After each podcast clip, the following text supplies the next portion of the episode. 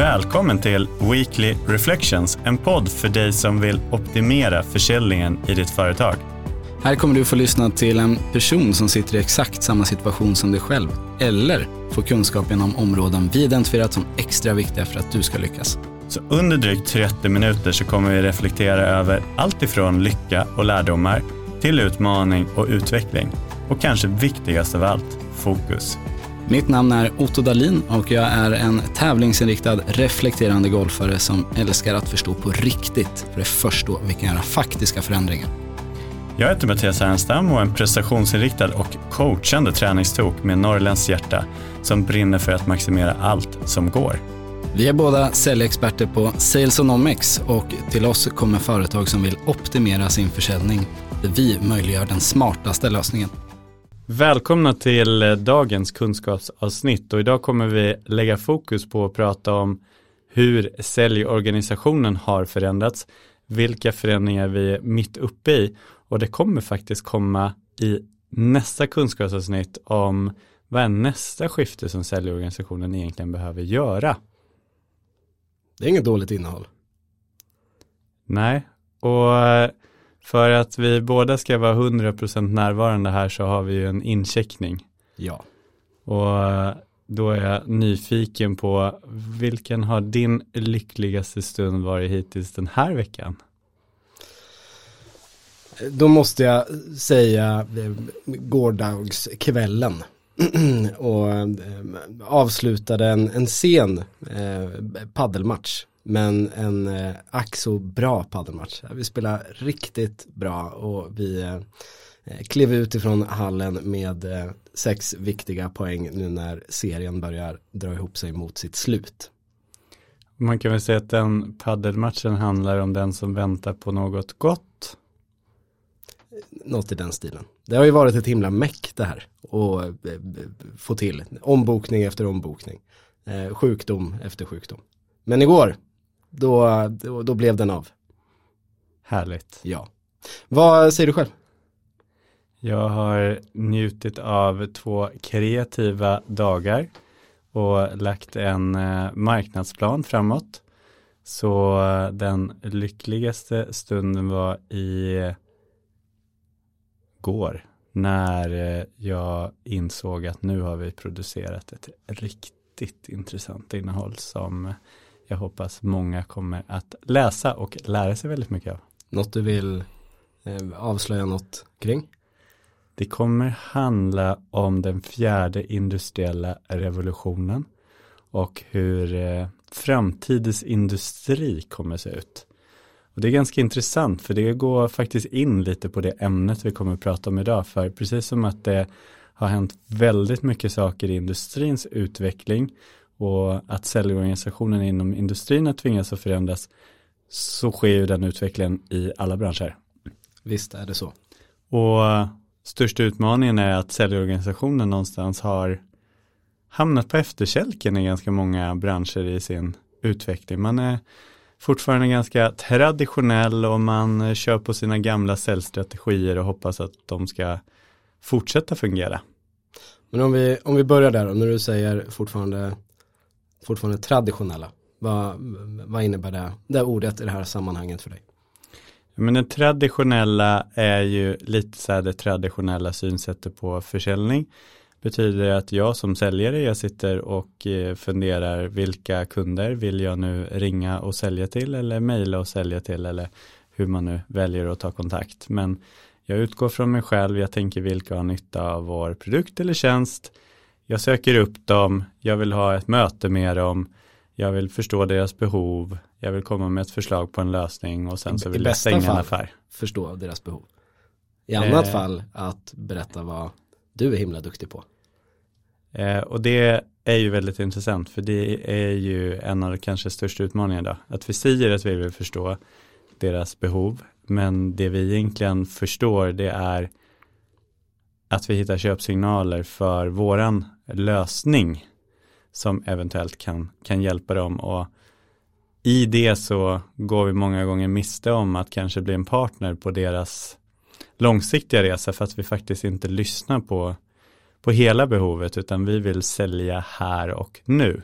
Så det ska jag väl säga är det som jag, som jag definierar som det väldigt traditionella sättet att sälja. Och att vi någonstans utgår från att en kund är en kund och vi kan sälja på hyfsat liknande sätt till, till de flesta kunder och så vidare. Men den, eh, vi utgår goda... väldigt mycket från vårt egna perspektiv. Ja, just det. Och den goda upparbetade relationen, eh, den är allt i slutändan. Eh, många gånger allt. Ja. Och så slutar det med att vi tycker att den relationen är så himla härlig så vi tar lite extra möten med just eh, de personerna för att eh, vi ser att det här är ju så trevligt. Mm. Istället för att kanske fundera vad, hur vi kan skapa mest nytta. Vad tänker du kanske... som traditionellt? Det var min definition. Ja, nej men jag, jag, jag delar den definitionen. Jag funderar på om jag har något något tillägg? Nej men inget, inget konkret. Eh, det traditionella för mig är väl också utifrån ett strukturprocessperspektiv. Du är inne på hur strukturen och processen tar sig uttryck men någonstans att det också i ett ledarskap och i en, i en kultur är ett väldigt traditionellt sätt. Eh, här sitter lite silotänk. Här sitter sälj och sälj gör som sälj eh, gör. En, en egen liten ö. Ja och det är eh, skärmiga personer med talets gåva som är ute och springer eh, snabbt. Och jag tänker också bara så här på hur vi mäter det att eh, fortfarande, jag tror det var Electrolux eh, dammsugarförsäljare som myntade det i be begynnelsen men det här med, med 100 knack, 10 tack och vad var det, ett? Nej, hundra knack, tio. Hundra knack, i slutändan är det ett, ett, ett. Är det ett tack? Ett tack. Vad var det på vägen då? Ja, på vägen så är det tio. Snack. Snack. Där, där har, ni det. Så hundra knack, tio snack, ett tack. Jag vet inte om, är det bra eller dåligt att vi inte kan den? Jag jag, jag, jag är tänker att det är väldigt bra. positivt. Ja att vi har tvättat bort det mm. och att vi tvingades tänka utifrån det. Eh, men många organisationer utgår ju från liksom klassiska mätetal också. Det skapar ju också en utmaning. Kollar vi nu på sälj och marknadsintegration så fort är vi fortfarande då, då känner vi att nu har vi tagit eh, ett långt steg för vi pratar om eh, MQL, alltså marknadskvalificerade leads, vi pratar om SQL som är säljkvalificerade leads och vi vi pratar om att helt plötsligt ska marknaden generera massa leads till sälj och så vidare. Och pratar man med marknadsförare idag, ja men då helt plötsligt så kommer man in på begrepp som dark social, vad är det för någonting? Eh, så helt plötsligt så inser man att här, världen har förändrats. Idag, mm.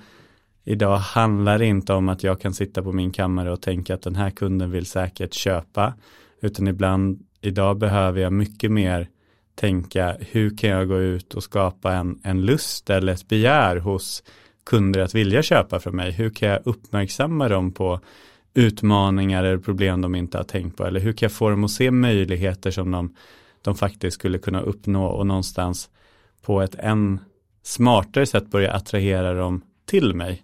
För idag är ju kunder mer upplysta än någonsin och det är väl liksom en av de största förändringarna som har skett är ju tillgången på information som har, har skett de senaste åren. Eh, vi producerar extremt mycket information. Det finns extremt mycket data att tillgå vilket gör att en kund innan den kontaktar en, en, en potentiell organisation att köpa från så eh, enligt vissa studier så har de ju gjort så mycket som 60% av köpresan egentligen helt själva. Och förr i tiden så var det vi säljare som gick ut och någonstans hjälpte dem från att få idén till att få reda på mer information och så vidare. Och det kanske gjorde dem nyfikna och titta på andra lösningar och jämföra, absolut. Eh, men idag gör de väldigt, väldigt mycket av jobbet själv och det betyder att jag har ingen aning om vilka som just nu funderar på att köpa av mig. Eh, det enda jag kan göra är att skapa värde för dem på riktigt, alltså att skapa utbildad material som att prata om vad är framtiden inom industrin. Förhoppningsvis kan det intressera våra industrikunder eh, som gör att, så här, att man väcker lite nyfikna tankar om det.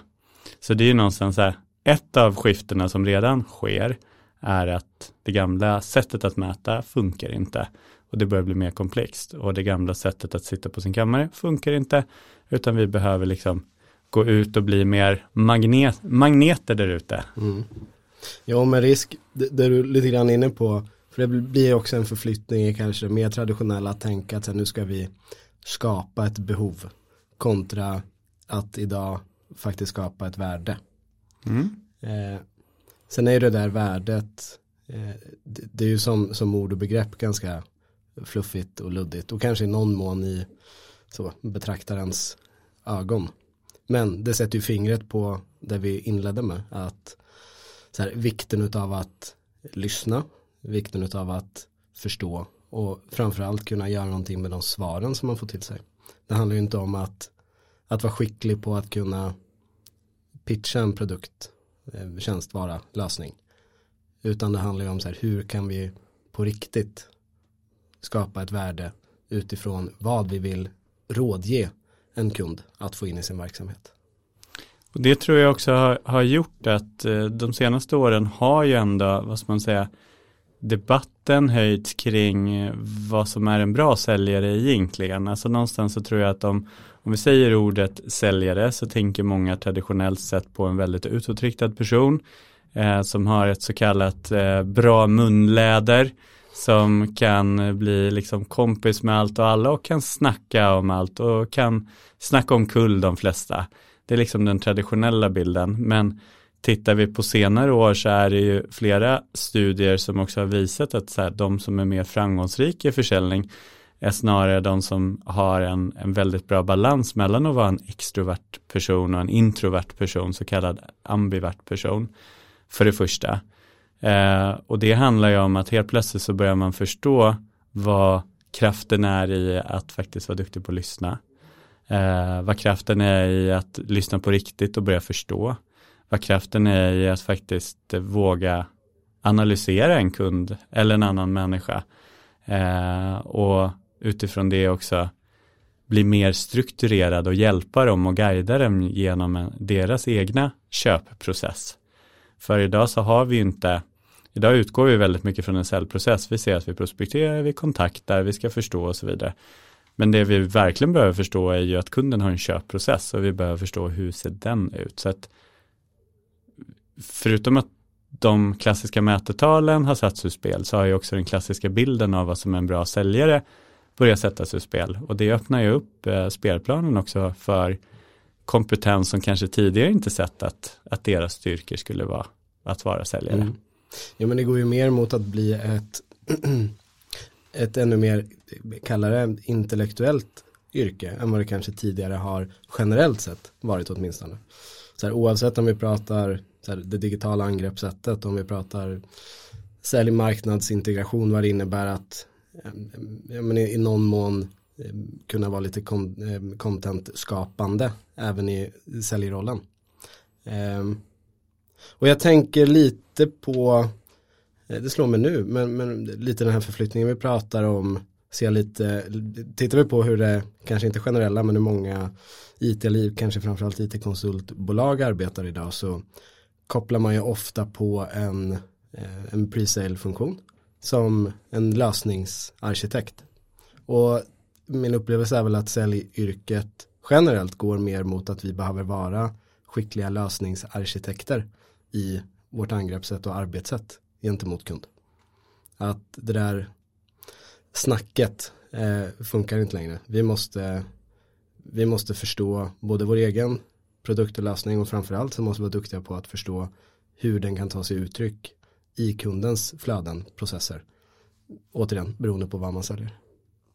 Men jag tror att det finns, eh, jag tror att man som företag behöver tänka till kring vilken säljkompetens man behöver. För precis som du är inne på så absolut att det finns olika pre-sale funktioner, men jag tror de har ju uppstått på grund av att man känner att så här, vi har en säljarkår, den fungerar bra, den skapar relation med kunderna och så vidare, men den förstår inte tillräckligt mycket det tekniska språket, vilket gör att man liksom har saknat en länk emellan och då har man lagt till ett steg kopplat till en, en pre-sale eller någon form av lösningsarkitekt eh, däremellan. Eh, och det handlar ju om, så här, har man en organisation med väldigt duktiga säljare, men då kanske det är den smartaste lösningen att man ser att våra lösningar börjar bli så mycket mer komplexa så vi behöver faktiskt addera en, en form av specialist här i, i, i mitten som hjälper till att vara den lösningsarkitekten. Ja.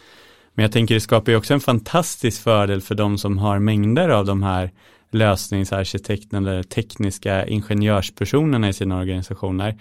Tänk vad, vad händer om man bara skulle klä på dem en förståelse, så här, vad krävs för att jag överhuvudtaget ska få presentera en lösning? Mm. Vad, vad är stegen jag behöver göra innan och vad är det för ny kompetens jag behöver för att kunna hantera de stegen? Eh, där kan man ju klä på många bra vad ska man säga, fundamentala säljfärdigheter på någon som redan är den duktiga lösningsarkitekten. Men jag, jag, tror att det är en riktning vi kommer gå åt för allas, vi har gått från att sälja produkter till att idag så säljer vi mycket mer lösningar. Och det är för att vi går från en, en ekonomi som har varit väldigt linjär där allting har handlat om att producera mer, öka mer och så vidare till att vi har insett att ja, men vi, ska den här jorden hålla så behöver vi ställa om till ett mer cirkulärt sätt att tänka. Vilket gör att så här, förr så kunde vi sälja en maskin och så var det nästan bra om den gick sönder på två år för då fick vi sälja en ny maskin. Så länge vi höll nere produktionskostnaden på den och så vidare. Men på andra sidan så sitter det en kund som ska ta hand om, om skrotet för den och så vidare. Och idag handlar det nog mer om så här, hur kan vi få en maskin att hålla så länge som möjligt och det gör att men helt plötsligt behöver vi sälja service till den, underhåll på den, vi behöver eh, se hur vi kan anpassa maskinen utifrån att kundens produktion kanske ändras. Så att vi, alla branscher har ju traditionellt sett gått från att sälja mer vad ska man säga, lösningar istället för att sälja en produkt. Det är Exakt. samma konsultbranschen. Förut sålde man in en, en konsult som löste ett specifikt problem. Nu är det ofta så att man säljer in per timme och nu säljer man in mer projekt för att hjälpa till i någon form av transformation eller liknande.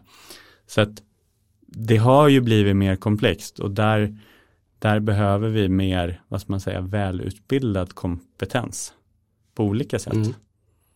Men det, är svårt att ta en, en ingenjör som inte har förståelse för alla faser innan att få den att bli en riktigt duktig säljare. Så att, så att som företag så behöver man ju forma strategin utifrån vilka människor har vi och vilka behöver vi för framtiden och vad är det smartaste sättet för oss att ställa om? Är det att sparka alla som jobbar hos oss nu eller är det faktiskt att antingen addera ett steg eller att klä på någon mer kompetens?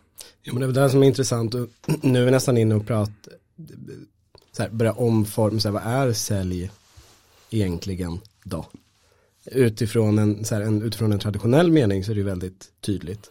När man börjar prata utifrån det är du inne på nu, här, vem ska egentligen göra vad, vem är bäst lämpad för vad? När vi börjar kanske hacka upp den traditionella säljprocessen i mindre delar eller delmoment utifrån experter som har en djupare, bredare eh, kunskap. Så här, pratar vi sälj fortfarande eller håller vi på, står vi snarare inför liksom ett skifte att eh, sälj som begrepp tror jag inte kommer försvinna, men betydelsen utav det kommer den att förändras. Eh, antagligen i någon mån. Eh, men en intressant eh, tankelek. Men du är inne på en intressant sak för det som, det som har hänt som vi redan kan se på flera bolag det är ju att, att säljprocessen hackas upp. Eh, och att man ser att även i en säljprocess så behöver vi specialister på olika områden. Så idag finns det ju och det har ju funnits länge olika former av mötesbokare som är experter på att få in de här mötena. Men nu har man ju sett att det handlar inte om att bara ringa och boka utan vi behöver jobba med marknadsföring och så vidare för att lyckas. Och då har man också kommit med nya titlar. Om man pratar inom SaaS-industrin så pratar man om SDRs till exempel. Eh, som för vissa bolag fortfarande är bara en annan titel på mötesbokare. Och för någon annan så kan det vara en superkomplex avancerad sälj och marknadshybridroll beroende på hur man ser det. Men då är det så här, då har man ju splittat upp säljprocessen där och sen har man någon som oftast bara stänger affären och sen har man någon som ska ta hand om att implementera och sköta leveransen och sen har man någon som ska ta hand om att uppförsälja kunden och så vidare. Så det har ju skett mycket uppstyckningar redan av säljprocessen eh, och det tror jag också är för att det krävs otroligt mycket kompetens att kunna hantera alla steg. Samtidigt som vi sitter med en väldigt stor fara. Det är en säljare som har identifierat ett problem eller en möjlighet eller ett behov hos en kund.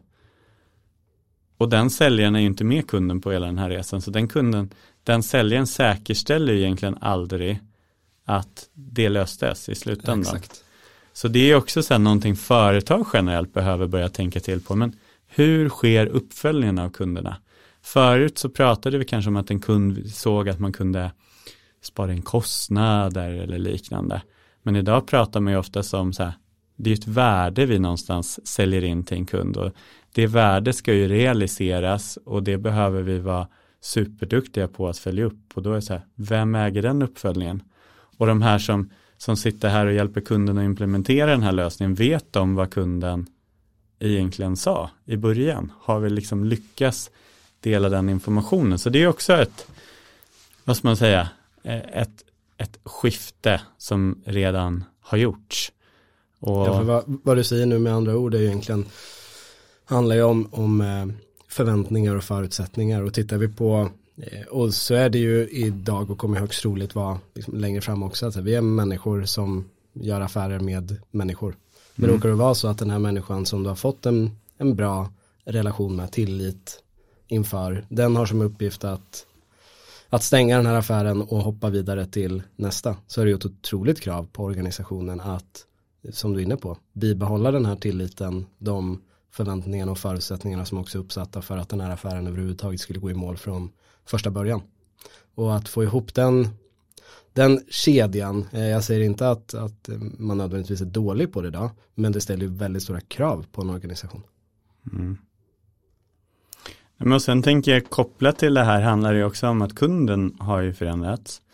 Så det är om vi blir väldigt specialiserade så, så hos kunden så berör ju oftast idag en lösning fler personer så det är ju fler involverade i, i köpprocessen. Och jag hittade en, en studie från Harvard Business Review som visar att men idag är det i snitt sju personer som är involverade i beslutsfattandet och jag har sett studier på siffror som är ännu högre än så på att det kan vara över 20 personer som influerar ett köpbeslut. Men bara lek med tanken att det är sju.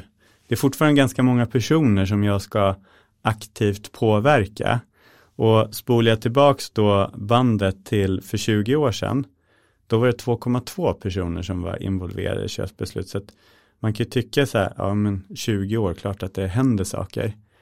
Med handen på hjärtat, om man tittar en säljorganisation för 20 år sedan och nu, och så tittar man på alla arbetsuppgifter som görs, hur mycket görs på ett liknande sätt som för 20 år sedan?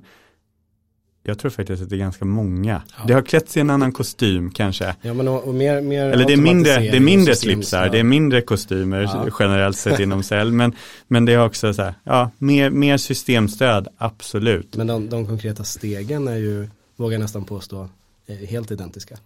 I mångt och mycket. Och här har vi en, en utmaning med att, att både kunderna då är mer utbildade men också att vi får det här större komplexiteten i ett beslutsfattande. Så då behövs det ju också fler kompetenser av en, en säljare för helt plötsligt blir det ju en form av projektledare. Du behöver både förstå den som någonstans tar ekonomiskt beslut och den här den som eh, tog initiativ från början som såg problemet eller möjligheten i verksamheten. Du har några personer som kommer använda sig av det här. Alltså, och det här behöver ju du någonstans vägleda kunden genom. För de har ju sällan upplevt det själv tidigare om det inte är så att de bara byter ut dig mot en annan leverantör. Men det är ändå så här, om du, om du har sålt in någonting nytt till kunden så behöver ju kunden all din hjälp för att säkerställa att det här blir bra i slutändan. Eh, så att det, det, krävs ju verkligen att, att du är skicklig på att projektleda som säljare. Visst är det så. Nej, men jag tycker, på tal om, jag pratade om it-konsultbranschen här tidigare, vi har arbetat med den typen av bolag och jag tycker det finns många eh, exempel på den här komplexiteten i den i säljrollen i branschen utifrån att ja, men å ena sidan så ska det vara den här skickliga rådgivaren gentemot kund, gentemot alla de direkta och indirekta beslutsfattarna som finns i många eh, organisationer, definitivt i större organisationer. Sen när du kommer hem med din affär eh, så ska du också vara skicklig på att sälja det här internt. För självklart, där sitter ju människor som rår om och, och som har en, en, utveckling som de vill ha i sina respektive roller. Och att här också göra ett, den här lösningen anpassad, attraktiv eh, för att någon som ska vara intresserad av den eller ges förutsättningar att göra ett bra jobb i det uppdraget. Mm. Och det handlar ju också om hela förändringen att faktiskt gå från att vara en säljare till att bli någon form av, av trusted advisor på riktigt. Det kommer innebära att, att som bolag så vill man ju alltid sälja någon form av standardiserad lösning för det är absolut enklast att hantera. Men då håller man sig oftast kvar också utifrån att vara en ren leverantör och att kunden ser dig som en ren säljare. Medan om man, om man verkligen lyckas skapa skräddarsydda anpassade lösningar, eh, då ser ju kunden det direkt som en mer trusted advisor och troligtvis ditt företag som mer en partner än en, en leverantör. Och där handlar det också om förflyttningen från att man sitter och är reaktiv som säljare och kunden kommer med idéer eller feedback till att man faktiskt blir proaktiv på riktigt förstå kundens verksamhet och se men vad händer om man skulle addera det här eller om man skulle göra det här på ett annorlunda sätt. Eh, så det finns ju väldigt många delar i förflyttningarna som krävs att gå från säljare till trusted advisor men också i det att gå från att vara en leverantör till att bli en partner med kunderna på riktigt. Och där tror jag också att det finns väldigt mycket saker kvar att göra och framförallt bara en väldigt enkel sak att göra är bara mappa upp alla sina kunder och så här handen på hjärtat. Hur många är vi partners med? Hur många ser på oss som en partner? Hur många kommer till oss och, och faktiskt själv vill diskutera utmaningar och problem och där priset väldigt tydligt har halkat ner på prioriteringslistan.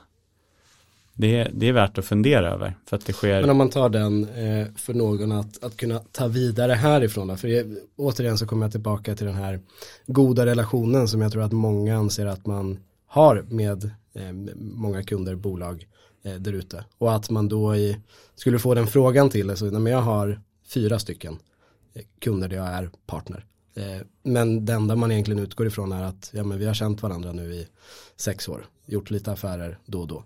Eh, men det är ju i slutändan inte vad det enbart vad det handlar om, en god relation är en bra start såklart. Men det, det är ju inte allt. Så vad, vad, finns det mer för frågor man kan ställa sig för att just här, komma fram till? Är det här en, har vi ett partnersamarbete eller ses jag som en leverantör? Men jag tycker, för att svara på den frågan så ska jag faktiskt använda ett exempel. För att vi är ju inne bland annat i en väldigt traditionell bransch, stålbranschen, men som gör någonting extremt innovativt. Eh, man håller på att utveckla fossilfritt stål. För stålproduktionen står ju för 11% av världens utsläpp av koldioxid. Så det är en bransch som verkligen kan skapa en positiv påverkan och Sverige ligger jättelångt fram och 2026 så ska vi kunna ha det här fossilfria stålet klart. Och den frågan som, som en säljare i, i, i stålbranschen behöver ställa sig idag, det är ju, vi vet att det här fossilfria stålet, det kommer bete sig lite annorlunda. Vi vet att det kommer troligtvis vara dyrare, i alla fall initialt, innan vi liksom får ner eller hittar mer effektiva sätt. Och vi vet att det kommer inte finnas i oändlighet i början, utan det kommer ta ett bra tag att få upp produktionstakten. Så redan nu som säljare behöver vi fundera, men vilka vilka kunder är det som ska få, få möjligheten till det här? Vilka kommer vara beredda att betala för det?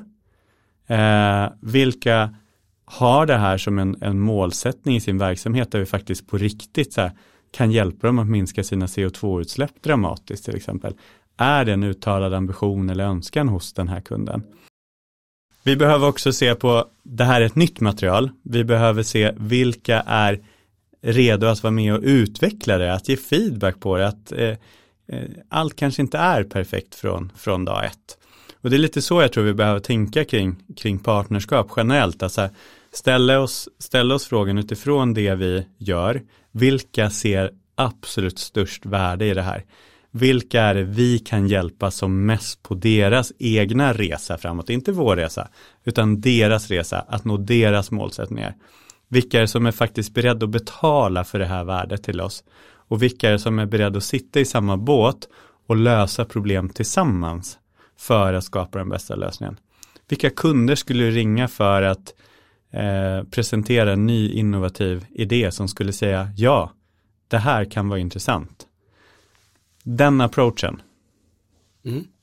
Det är inne på nu också som jag tycker är, tar mig på rätt sätt när jag säger att jag tror så här, sälj, Eh, yrket i stort kan nog i mångt och mycket i alla fall vara en, en yrkesgrupp med mycket eh, självförtroende. Kanske jag pratar lite i viss del eh, traditionellt också. Men lite där du är inne på också som i det här exemplet att så här, vi också vågar vara lite kravställande utifrån så här, vilka, vilka ser vi får faktiskt störst värde utav våra lösningar. Vilka, vilka vill vi investera tid och kärlek i att samarbeta med för att vi ska få det där härliga värdet i slutändan. Och det skapar ju också en väldigt genuin känsla hos eh, din kund om de verkligen känner så här att du vill på riktigt samarbeta med dem, du tror på dem, de tror på dig, det skapar en väldigt härlig upplevelse tillsammans. Verkligen. Och det är faktiskt det skifte vi kommer prata om i nästa kunskapsavsnitt, det är upplevelsebaserad försäljning. Vad är det egentligen? Vi har pratat om produktförsäljning nu, vi har pratat om att vi har gått till lösningsförsäljning, men redan nu så ser man att det vi kommer gå mot redan nu och i framtiden är just upplevelsebaserad försäljning. Så nästa kunskapsavsnitt kommer vi ge dig svar på vad är det egentligen för någonting och hur kan du börja med det redan idag. Spännande.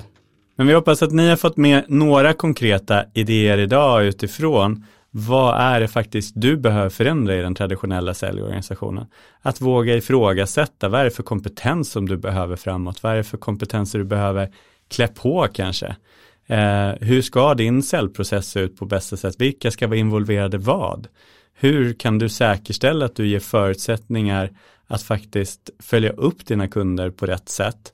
Eh, men också hur du får dina säljare att gå från att vara just säljare till trusted advisor, hur du kan ta ditt bolag från att vara en leverantör till att bli en partner på riktigt. Så uh, vi hoppas att du åtminstone har två konkreta tankar som du nu kan sätta i verket efter det här avsnittet. Strålande. Vi säger stort tack. Hoppas du har fått några härliga insikter om vad som faktiskt sker med säljorganisationen just nu. Och kanske fick du en idé om vilka skiften som din egna säljorganisation behöver göra.